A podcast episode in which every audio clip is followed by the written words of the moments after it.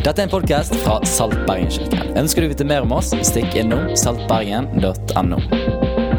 Så begynner han å male med ordene sine en helt ny verden. Altså Han begynner å beskrive muligheten av at vet du hva, det kan være at alt dette som vi opplever, trykkende, tyngende, det at vi har distanse til Gud, det at folk er stygge med hverandre, det at de er kjipe med hverandre, det at det, det er menneskehandel, det at folk ikke har det så godt som de ble skapt til å ha det. Alt det kan endre seg. Jesus reiser seg opp, og så holder han en sånn tale. Og så tegner han bildet av en helt ny verden. Det er ganske heftig. Ganske heftig å være med å sette en visjon for en annerledes, alternativ framtid. En visjon, hvis den formidles, er ment å kalle folk med seg på en reise. Og Det er det vi gjør med Salt Bergenskirken. Vi ønsker å kalle folk med oss på en reise til en ganske så annerledes virkelighet enn den som vi er inne i akkurat nå. Og Den annerledes virkeligheten den, den kan, vi, kan, vi, henvende oss til vår egen kreativitet for å få tak på.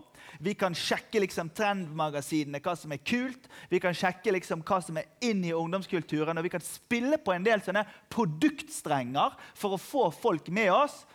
Men vi bestemte oss for én ting, og det har vi vært trofast mot i ti år. Det er at Vi skal ikke gå i den grøfta at vi lager til et kult kirkelig produkt som folk skal trykke like på. Men vi skal bygge en kirke basert på noen grunnsannheter noen grunnsannheter som er med oss helt fra begynnelsen av. Det står I Apostelens gjerninger kapittel 2, vers 42 så står det, det at eh, de holdt urokkelig fast på apostlenes lære.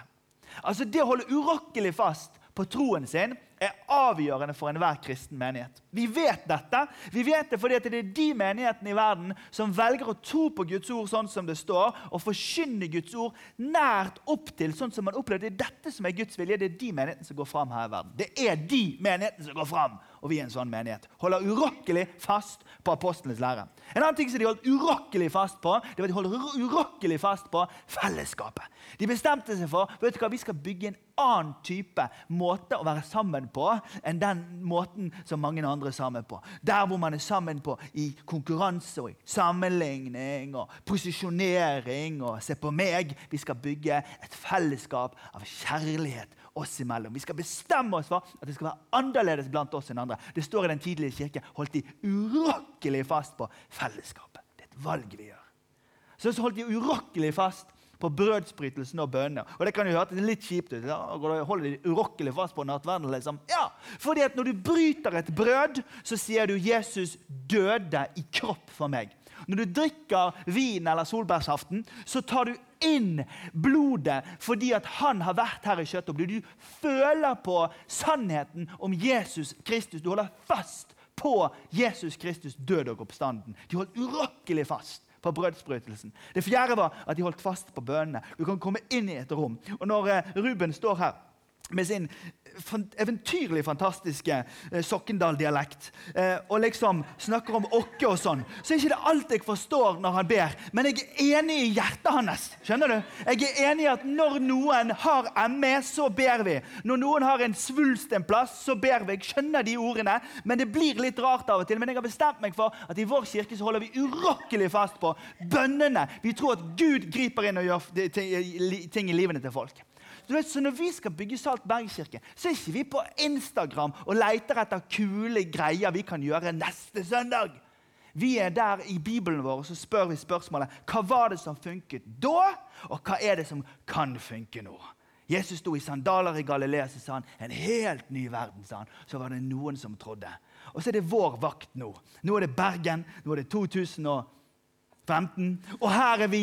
Det er vår vakt, og vi spør spørsmålet kan vi bygge en sånn kirke. Du vet Det som skjedde når de begynte å bygge kirke i Jerusalem, det gikk på et øyeblikk. Det var noe som skjedde. Folk fikk behovene sine møtt. Folk opplevde at, eh, at eh, de fikk eh, behov i kroppen sin, behov med materielle ting, behov som handlet av åndelig karakter, av fellesskap. Alt dette ble møtt. Plutselig fikk de møtt Folk satt bare i Jerusalem Løk, løk, løk, løk, løk, løk, like. De trykte løk, fordi de opplevde det var så positivt. Og så står det dette på slutten i Apostlenes gjerninger 242. 247 så står det på slutten. Og menigheten var godt likt av hele folket. Og hver dag la Herren til nye som lot seg frelse. Så det fantastisk. Det er ganske så fantastisk at byen trykket like. Ganske stor avstand fra det ryktet en god del kirkelig virksomhet og religiøsitet har i vår del av verden, så var det en kirke i begynnelsen dere, som fikk likes fra folk flest. Fordi at de så at Gud er på ferde her. Og så gjorde Gud noe i menigheten. Nye folk hadde lyst å være med i kirka. Jeg var med pastoren i Hillsong London i forrige uke på en konferanse, og han sa dette. A problem. 600 people got saved in our church this far this year. Og vi sitter på Norge ber de skikkelig, ber de skikkelig frelst. Altså, hva mener du frelst? Og og blir sånn, jeg er, Hallo, jeg er fra Norge, jeg er skikkelig vanskelig. Jeg skal bare liksom, ja, ja, ja, ja. 600 mennesker løfter opp hånden sin og sier at jeg tar en avgjørelse for at jeg ønsker å følge Jesus. Godt likt. Mennesker kommer til tro. Ganske så fantastisk. Det er en sånn kirke vi drømmer om. Vi drømmer om en sånn kirke. Og så er Det klart at det blir ikke så store tall når vi er liksom 52 stykker som bor i denne byen. her. Så er det klart at Tallene er ikke poenget, men poenget er sunnheten av at bygger du en sunn kirke, så liker folk det de ser. For dette er kjærligheten de får smaken av. Og så blir mennesker med. Vi drømmer om en kirke som er annerledes. Vi drømmer om en kirke som kontinuerlig bringer mennesker til tro. Og Da sier ikke vi liksom en gang i framtiden, i 2032, da skal vi spise, liksom, da skal vi åpne twisten. liksom. Og så skal vi si liksom, å, nå har vi kommet frem, og det var skikkelige problemer frem til vi kom hit. Nei, vi sier at la oss sikte på det målet, og la oss nyte reisen underveis. Er dere med på det? La oss bare ha det kjekt i det å være med og bygge den levende Guds menighet. Det slår ikke feil. Når jeg treffer, når jeg skal ha en vigsel, så sier folk liksom 'Jeg visste ikke at prester var så unge.' Sier de til meg. sant? Og så tenker jeg 'Takk skal du ha', liksom. Men tror du vi blir født gammel? Fordi at Ola og Kari vet du, de har jo bestemt seg for at kirken det er not like. Kirken det er en kjip plass. Kirken er et sted hvor de moraliserer, begrenser, og de liksom siste man kan slokke lyset. En undersøkelse fra Sverige viser at den siste gudstjenesten med utviklingen i Sverige skal feires i Sverige i år 2032. Da er det over. Siste man låser døren. Fordi at sekulariseringen i vår del av verden den er på vei i den retningen. Men de har glemt én ting. Og de har glemt at han som er sjefen for hele Enterprisen, han er så smart han, at han tar tak i litt sånn unge folk. Og så sier han liksom kunne du tenke deg å være med og bygge en levende Guds menighet? Du som bommet på den der T-en når du skulle utdanne deg liksom, og ble geolog. Kunne du tenke deg å gjøre en liten switch i denne retningen her, og heller bare ta liksom, alle nasjoner i hele verden? Altså, eh, det, fordi Gud, Gud gjør nett det han vil for at hans kirke skal gå fram. Og Vi er bare én av alle disse kirkene, men hør folkens, vi har en visjon om at her vi lever, så skal det faktisk være en sånn menighet. Vi drømmer om en sånn menighet. Holder fast på fellesskap, holder fast på det vi tror på. Vi holder fast på at Jesus Kristus han er the man with a plan. Og så bare holder vi fast på at uh, her på dette huset her så ber vi for folk så de får oppleve en levende Gud. Det tror vi på, og vi tror at det er en attraktiv menighet. Vi var seks stykker på Sørredding når vi signet det der papiret i 2003 var vi 42 stykk som eh, var med på en vår hvor vi gikk gjennom liksom, hvordan kirke skal vi lyst til å bygge. Vi skal bygge en sånn kirke vi har lyst til å gå i. Og Så var vi 75 mennesker i juni når vi gikk på sommerferie i 2004. Så var vi 370 på første oppstartsmøte 19.8.2004. Og så datt det rett ned til rundt 200. Og der hadde vi martial arts verdenskrig med den 200-barrieren helt til vi i dag er rundt 600 mennesker på en søndag. Og det er ganske så fantastisk. Og i dag er det første gang Nei, det er ikke første gang, men I dag har vi hatt fem gudstjenester. denne kirka her. Og vi sier ikke at løsningen er å lage flere gudstjenester. Nei, nei, nei. Vi sier at løsningen er at du og jeg griper at vi er med i denne planen. At vi på jobben vår som ingeniør og førskolelærer og som sykepleier og som sånn eh, lagerassistent og som kirurg og som eh, husmor så, og husfar, eh, så er vi med i dette store oppdraget. Og Det var det Paulus mailet til Timoteus. Han skrev til Timoteus et brev hvor han klargjorde oppdraget hans. Så jeg sa det forrige uke her. Smaken når du er ferdig å snakke med folk, skal være kjærlighet. Smaken når du er ferdig med folk, skal være optimisme, det skal være vennlighet og det skal være godhet. I kontrast til de som driver i Dresden og går med sånne store paroler og sier at vi har rett og å skrive leserinnlegg og er kjempesinte. Helt alvorlig, folkens. Vi skal ikke vinne striden vår gjennom den type greier. Vi skal vinne striden på en helt annen måte. Og han som rettleder oss i dag, han heter Paulus. Han skriver brev til Timoteus. Og jeg leser denne teksten på Visjonssøndagen for å vise deg at Skriften har noe å si til våre liv i dag. Så vi leser mot slutten av kapittel 1. Timoteus, mitt barn. Du, du kommer til å bli litt skremt av en av de tingene jeg leser nå. Så snakk med Snakk med Snakk med Ruben eh, hvis du blir veldig skremt. Eh, Timoteus, mitt barn, slik er oppdraget jeg nå overgir til deg. I samsvar med de profe profetiene som før er talt til dem. Ved dem skal du stride den gode strid i tro og med god samvittighet. Noen har feid til side samvittigheten, og troen deres har forlist.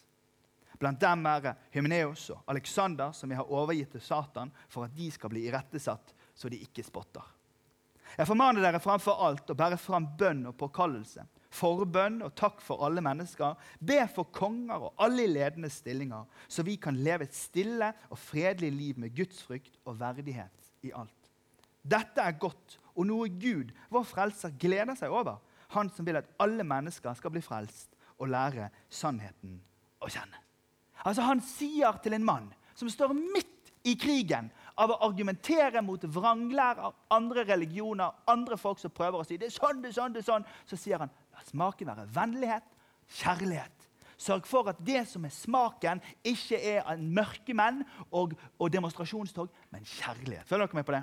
Hvordan griper vi dette? 2015, meg og deg skal på studiestedet vårt, vi skal i nabolaget vårt, i vennegjengen vår. Vi skal bang, presse på Elixia. Hvordan tar vi med oss oppdraget? Tre enkle ting i denne teksten. Det første er vi må stride den gode strid i tro. For det andre vi må stride den gode strid med en god samvittighet. Og for det tredje så har vi fått et redskap utlevert. Og det er bønnens redskap. Hvordan kan vi anvende det? Og jeg lover deg, Hvis du følger med de neste minuttene, så skal det bli helt klinkende klart for deg. At Når du går ut døra her ute, så tenker ikke du vel, liksom, hvis jeg bare kunne spille keyboard, så skulle jeg tjent Jesus. For dette, det er en vrangforestilling. At du må opp hit og spille på den greien der. Vi har Svein Åge, vi. Vi er ikke interessert i deg. Vi, har, vi skal klone han. Skjønner du? Uh, he is the man, på en måte. Så vi trenger ikke flere der. Uh, og han vet du, han er jo ikke med seg denne her liksom, når han er på jobb. liksom. Ja, Låt meg bare berette litt for deg. Det blir, jo, det blir, jo, mye mer resultater når du spiller keyboard i bakgrunnen. Det vet jo vi. Så mye har vi vært på kristne møter. Men på, på utfordringen er at vi må gripe dette kan jeg også gjøre. Går det greit, folkens? For det første da, så handler dette her om å stride en strid i tro. Jesus sto der, sånn som jeg sa, i sandalene sine i Galilea. Han var snekkersønn, han hadde sikkert flis i fingeren og et par arr. Og så sto han der. Det vet jeg ikke, men jeg tippet. Er du snekker på den tiden, så var det sikkert et eller annet som gikk snett. Så, så han står der, og så tegner han et bilde. Og Det er fem sentrale bilder i den visjonen av verden som Jesus tegnet. Han sa evig fred basert på en revolusjonerende kjærlighet. Verden skal fylles av kjærlighet. Fred skal komme til alle mennesker. Vi skal få lov til å opprette og se et fellesskap av mennesker som tjener hverandre. Han lanserte visjonen om en verden hvor, hvor, hvor, hvor alt tilber Gud. Hvor alle har valgt at det er Gud som er den vi tilber. Han lanserte visjonen om en verden hvor mennesker som var syke og undertrykte, skulle bli gjenopprettet og bli hele. Han lanserte visjonen om håp for alle mennesker som er undertrykte. Og folkens, Vi vet at når Jesus sto der for 2000 år siden i de sandalene og sa dette, så var det noen få som ga seg til å være med på å se det skje. Men når vi står her 2000 år etterpå, så er det ikke nødvendigvis sånn overalt rundt oss. Og Det er det du og jeg er nødt til å gripe. Det er det at han er fortsatt på ferde i vår verden med visjonen sin. Han har fortsatt en drøm for at denne verden skal bli annerledes, og han har tenkt at du og jeg skal få lov til å være med på det. Trøndere, folk fra liksom innlandet, liksom. Folk på ski skal få lov til å være med. Folk liksom fra Pakistan og folk fra Kina skal få lov til å være med. Afrikanere, eskimoer. De òg skal få lov til å være med. Altså, Hans visjon er at dette greiene her som han holder på med, skal fortsette. Og så sitter vi her hjemme og så sier vi ja, men eh, det er jo ikke krig her. Du, Du kunne tatt et Norwegian-fly og landet en flyplass nær åpen krig. Men jeg utfordrer deg til å åpne dine øyne til å se at krig, det har vi her også. Krig inni familier. Krig som driver mennesker fra hverandre. Krig i tankene til folk som ikke sover om nettene fordi det er så mye sammenligning og konkurranse og spetakkel. Han ønsker å bringe fred. Han er fortsatt på en misjon av å bringe fred til vår verden. Vi kan si det vi vil vi om at vi bor i et fritt land og det er likeverd og minstelønn. Vet du hva? I denne byen her så er det seks slaver. Det er svart arbeid, det er sosial dumping, som gjør at menneskeverdet lider skipbrudd i våre daglige aktiviteter i vår by. Ikke fortell meg at det er over. Hans visjon lever fortsatt i denne byen. Vi har et fantastisk helsevern og psykisk helsevern, og vi er flinke å, å fikse kropper, men vi er ikke så flinke å fikse det åndelige livet. Vi har ikke engang parametere for å måle åndelig helse. Vi er djupt fattige. Hans visjon trengs fortsatt. Vi tilhører ja da, vi tilhører verdens beste by. Og fotballklubben vår skal vi dra opp igjen fra Søla og rett inn på Lerkendal og slå dem, ja. Til våren, ja. Det skal vi, eller vi får vel ikke lov denne våren, for vi er så dypt nede i greiene. Men det er liksom noe med at ja da, vi har tilhørighet der, men hvor er det fellesskapet hvor vi kan komme og tilhøre? Hvor vi kan få lov til å finne aksept, hvor vi kan få lov til å finne gjenopprettelse. Vi kan si det vi vil om fysiske kirkespir som strekker seg opp til himmelen, men Ola og Kari mangler evne til å få kontakt med Gud. Så ikke fortell meg å passivisere deg sjøl og sett deg ned i en benkerad i den perioden du er i Bergen, eller om du er her alltid, og tenk at liksom, Jesus har ordna alt. ja. Så jeg kan bare sitte her liksom, og kose meg i Hans nåde. Altså Helt alvorlig. Det er et oppdrag som han fortsatt sysler med. Og det gjør han ikke fra backstage. Han gjør det med meg og deg on stage. skjønner du meg? Han gjør det med meg og deg involvert i greiene. Så kanskje noen av dere trenger bare våkne opp og forstå at Gud trenger at meg og deg bare øver denne trosmuskelen vår, til at vi faktisk tror at det vi gjør, nytter. Jesus sa til sine disipler når han var ferdig med dem, så sa han til dem her i denne verden sa han, så skal dere ha trengsel, men vær ved godt mot. Jeg har overvunnet verden. Og jeg vil at du skal være veldig klar over dette, at Vi vet at han vant på korset ved sin oppstandelse, og han skal vinne ved at han skal komme tilbake igjen. Og Han er over oss, og han er i oss, og djevelen er under oss. Det betyr at på noen mørke dager så må jeg bare minne meg sjøl på Jeg må preke til meg sjøl. Må gå bort til speilet så må jeg bare ta opp speilet sånn og si det. Nå skal du høre her, unge mann. Jesus har faktisk overfunnet verden. Hvem er det du tror du er? Gå her og synes synd på deg sjøl. Av og til har jeg sånn grense på å synes synd på meg sjøl på tre minutter elsker det. Så det er så fantastisk. Så synd i meg, og ingen hører på meg. og De roper ikke 'amen' høyt nok. og Til og med de der folkene som har vært i menigheten lenge, de sitter sånn. De aner ikke hva det betyr for meg at de liksom sitter sånn. Men det er jo en og annen som tar opp smilet sitt og nikker litt og er litt vennlig. da, Men det er jo andre som liksom Er du sikker på at de ble frelst? Og er du helt sikker på at liksom, Seriøst, Jesus, kan jo bare tilgi meg? Så er jeg ferdig på tre minutter. Jeg får liret av meg. Så, så, jeg bare Nei, vet du hva? Du skal ha trengsel hjemme, men jeg har godt mot. Jeg har overvunnet verden. Du vet, Vi tror ut ifra en posisjon av at vi har vunnet. Vi bygger menighet i Bergen ut ifra en posisjon av at vi vet at dette slaget her blir ikke vunnet av noen andre enn han som er seierherren. Kan de skrive det de vil i de der bloggene sine? Her jeg går gjennom dødsskyggens dal, så skriver jeg en blogg. Er du sikker på at de ble frelst, da? Skjønner du? Og så sitter vi der og blogger liksom om Dødsskyggens dal. Det står at når du er ferdig med Dødsskyggens dal, da kan du blogge. For da kommer du ut på den andre siden. Ja, liksom jeg kommer gjennom den også. Men kristne folk de stopper den litt. Nå må jeg ta opp med å blogge litt. Å, det er så synd i meg. Og han pastoren har sagt at alle var lykkelige, og jeg føler meg så ulykkelig. Og jeg er så ulykkelig. Og det verste jeg vet, er å gå i menighet når jeg er lei meg, for da er de alle andre er glad, men ingen har det sånn som meg. Ingen ser. Og så ender vi opp med å mase oss igjennom det at vi legger oss ned og legger oss under. Så sier Paulus til Timoteus nå må ikke du glemme det. At det oppdraget jeg gir deg, det gir jeg deg fordi at du må stride den gode strid. Ikke bli sur, ikke bli lei deg. og synd på deg sjøl i tre minutter, men da må du slutte. For det er du, jeg, har overvunnet verden. Strid striden din inn tro. Inn tro, liksom. Inn tro, liksom. Da vet du at du har talt på internasjonal òg. Eh, så eh, Var det greit, eller? Var det greit med punkt én? Ikke, ikke sitt og kryss armene deres sånn og se så skeptisk ut. Dette her går, det, fordi det går an å tenke at han her han, han har prekt fire ganger i dag. Sant? Og forberedt meg på I går var jeg så desperat at jeg ble ferdig med dette, jeg gikk ned på Vil Vite-senter bare for å få inn vibbene. Jeg bare kjente, jeg må ha Vil Vite. Skjønner du? Jeg, bare, jeg må ha inn Det er bare løgn, for jeg skulle bare passe ungene mens de gjorde det mens jeg kunne forberede meg oppe. liksom. Sant? Bjørn Eidsvåg på klokkene. vet du. 'Jeg ser at du er redd.' 'Ja, Bjørn, ser du at jeg er redd?' Skjønner du? Nei, men hør. Spill litt på lag med meg her, da. Når du står midt i et Europa med 2% kristne, folk som gjør sånn 'Vi tror rett, vi tror rett', så får vi en instruksjon her. Folkens, Oppdraget vårt handler om en tro som overvinner verden.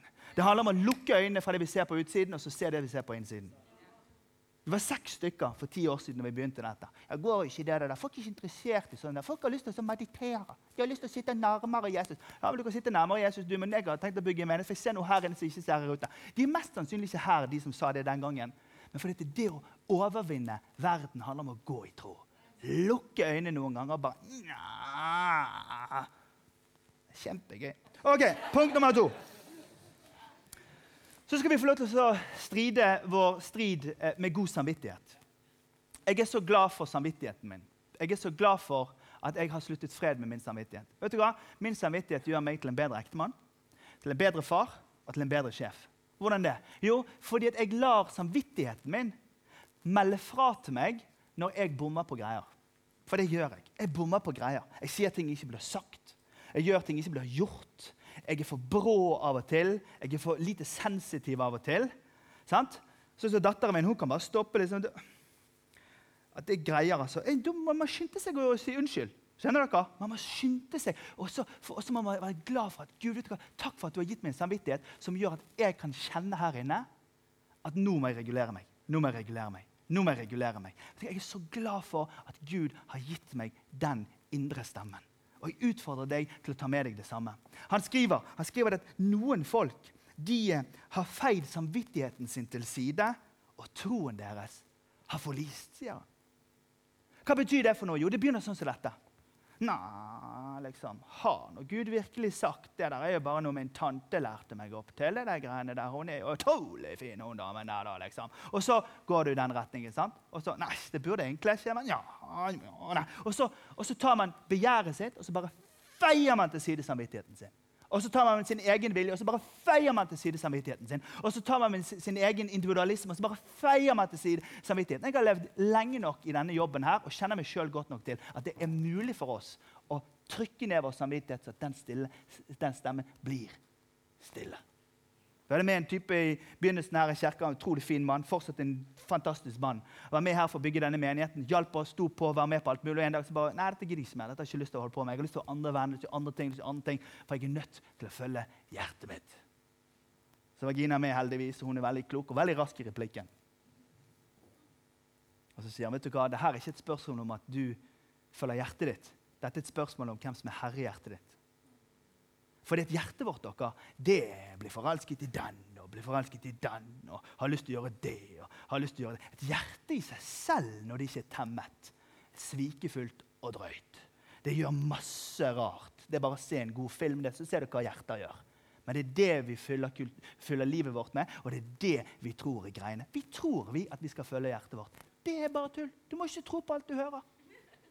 Nei, men helt av, Du skal ikke følge hjertet ditt. Du skal si, 'Herre Jesus, kan du bare være herre i mitt hjerte?' Så at jeg får temmet dette i mitt hjerte. Det er en av de største feilene som den vestlige kulturen gjør, kirken gjør. Ellen Hirsch sier dette. Ikke ofte siterer meg, sier det at når, når, Kirken ikke utfordrer folk til å følge Jesus og disippelgjør folk, så kommer kulturen til å gjøre det. Men problemet til meg og deg det er at vi lar Hollywood og et eller annet magasin være med og gjøre oss til disipler. Men da bommer vi på hvem som er herre. Og så tror vi til slutt at det er hjertet som er herre, men det er han som er herre. Timoteus, når du kommer ut i krigen, når du skal ut og diskutere med alle disse folkene, sørg for å gjøre det med en god samvittighet. Sørg for å leve så nær til Jesus at du kjenner i hjertet ditt at du kan stå for valgene du gjør. Liv og lære. Lære og liv integrert. Være et helt menneske. Kan du si et lett ammen til det? Eller jeg nikker i hvert fall til meg. Eller, men er dere med meg her? Jeg sier bare det boka sier. Og så kommer det fantastiske tredje punktet her. Som ikke er min avslutning, men som er min eh, nedgiring. Kanskje. Eh, og der står det Jeg formaner dere Og Der kunne det stått 'jeg oppmuntrer dere', samme ord på, på, på grunnteksten. men det, så det er ikke meningen at det skal være strengt. Jeg formaner dere framfor alt til å bære fram bønn og påkallelse, forbønn og takk for alle mennesker. Be for konger og alle i ledende stillinger. Så vi kan leve et stille og fredelig liv med Guds frykt og verdighet i alt. Dette er godt og noe Gud, vår frelser, gleder seg over. Han som vil at alle mennesker skal bli frelst og lære sannheten å kjenne. Altså Får du en større kontrast til sinte leserinnlegg? Får du en større kontrast til demonstrasjonstogene og eh, eh, selvhevdelsen og den der, den der maktgreien som gjør at folk i Norge og i Europa reagerer imot kristen tro? Får du en større kontrast? Her ligger oppdraget lagt ut for oss. La det være vennlig. La det være ordentlig. La det være mildt. La det være optimistisk. Og Jeg snakker ikke om en sånn mykhet som gjør at vi legger oss ned. Jeg snakker om styrken av å ta opp det redskapet eller det våpenet som ingen her i verden kan stå seg imot, som er forbønnen. Bønnen for mennesker. Vi er jordens lys. Vi er verdens salt. Vi kan få lov til å være midt i en kultur og bety en kjempestor forskjell.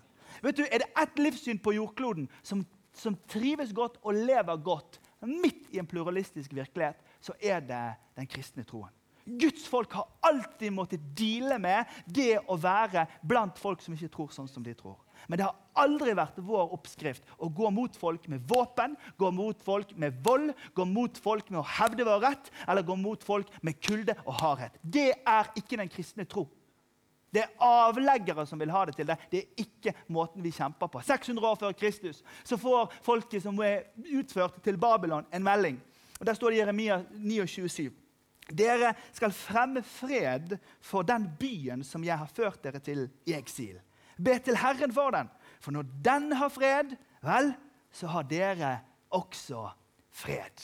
Det skal alltid smake kjærlighet når Guds folk er på ferde.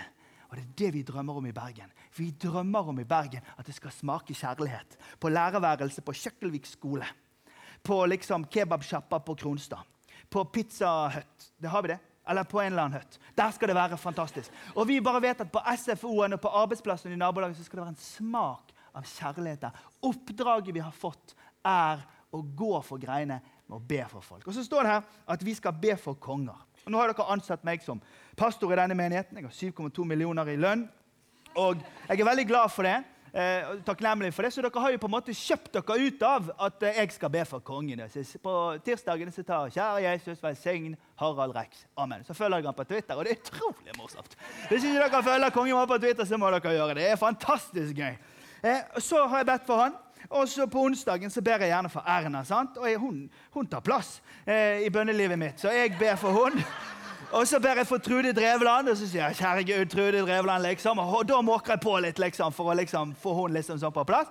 Men så kommer jeg til en litt sånn vanskelig greie. Jeg er veldig bibeltro. Det, det vet dere, er veldig bibeltro. Og da kommer jeg til dette. Det står det eh, å be for alle mennesker. Det er da jeg får problemer. Det er da, det er da jeg begynner å tenke liksom, å hei, Janne, liksom, nå er det arbeid. Du kommer ut på Kommer Så kommer jeg utover på torsdagen.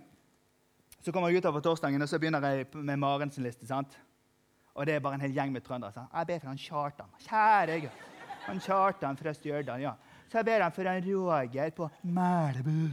Og så ber jeg for uh, for, uh, for, for Nils Nest i, i Slingen. Og så, ber jeg, og så ber jeg gjennom vennene deres. Og noen av dere har altså så ufattelig lange sånne bønnelister. Og På fredagen vet du, så må jeg begynne å forberede meg. Det er jo derfor jeg må ned på Vilite på lørdagen. For jeg har bedt sleten på alle mennesker. Alle forstår at det er bare tull, og alle forstår at det ikke er slik at den profesjonelle presten har ansvar for dette. Den kristne kirke er en mobilisering av alt Guds folk. Det er ikke en institusjon hvor noen ansettes for å gjennomføre et kristent show for resten men det er en mobilisering av alle mennesker i vår verden. Vi er 600 mennesker som har vært samlet her i dag. og Det er bare en begynnelse. Vi håper at denne menigheten skal vokse videre i de årene som kommer. Det gleder vi oss over. Men tenk hvis, bare tenk hvis du hadde fem mennesker som du ba for i ditt liv. Og vi alle sammen hadde hatt det. Det er over 3000 mennesker det, som hadde blitt bedt for. Og Jeg misunner jo presten i Slettebakken kirke, for han vet at rundt her, denne parken og disse husene, det er mitt sogn. Det er ikke min lykke, folkens. Sognet mitt det er all over. Men det er én måte vi kan få grep på det på. Det er at sognet flytter fra en ytre geografi til en indre geografi. Hvor du tar inn i ditt hjerte fem mennesker. Syv mennesker. Jeg tror Gina har 100 på sin liste. Du bare tar inn i hjertet ditt noen mennesker, og så gjør du det som står her. Be til Gud for dem.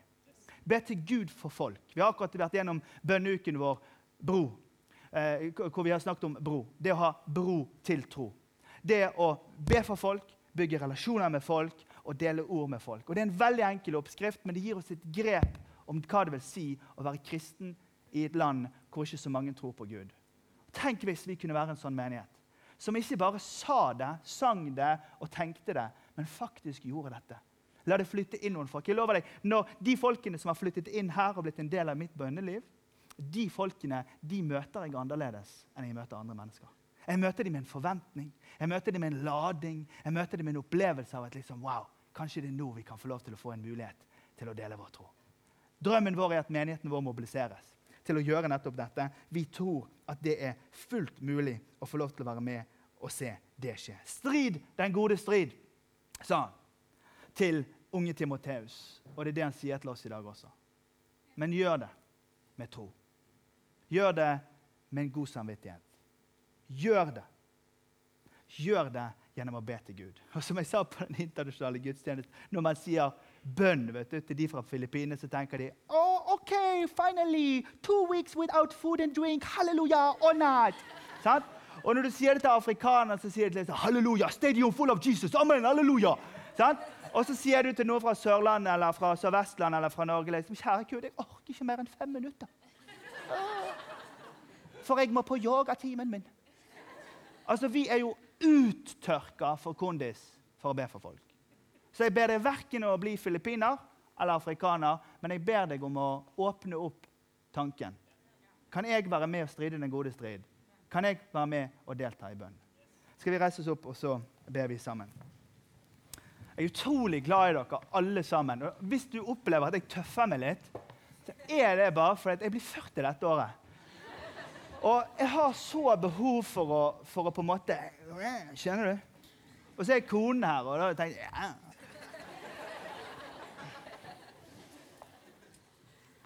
Jeg brenner for dette, altså.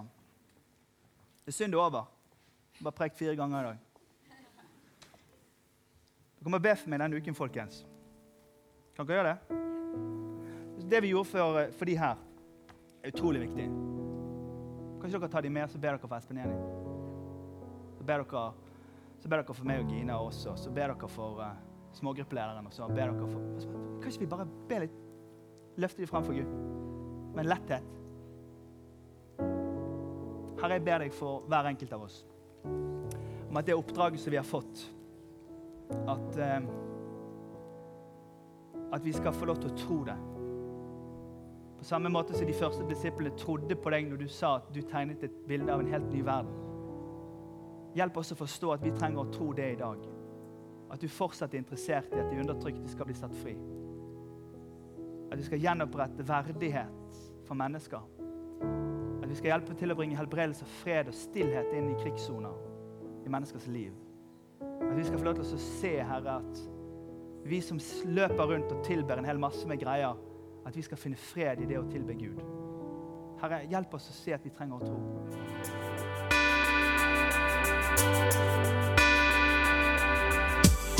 Takk for at du har lyttet til podkast fra Saltbergenkirken.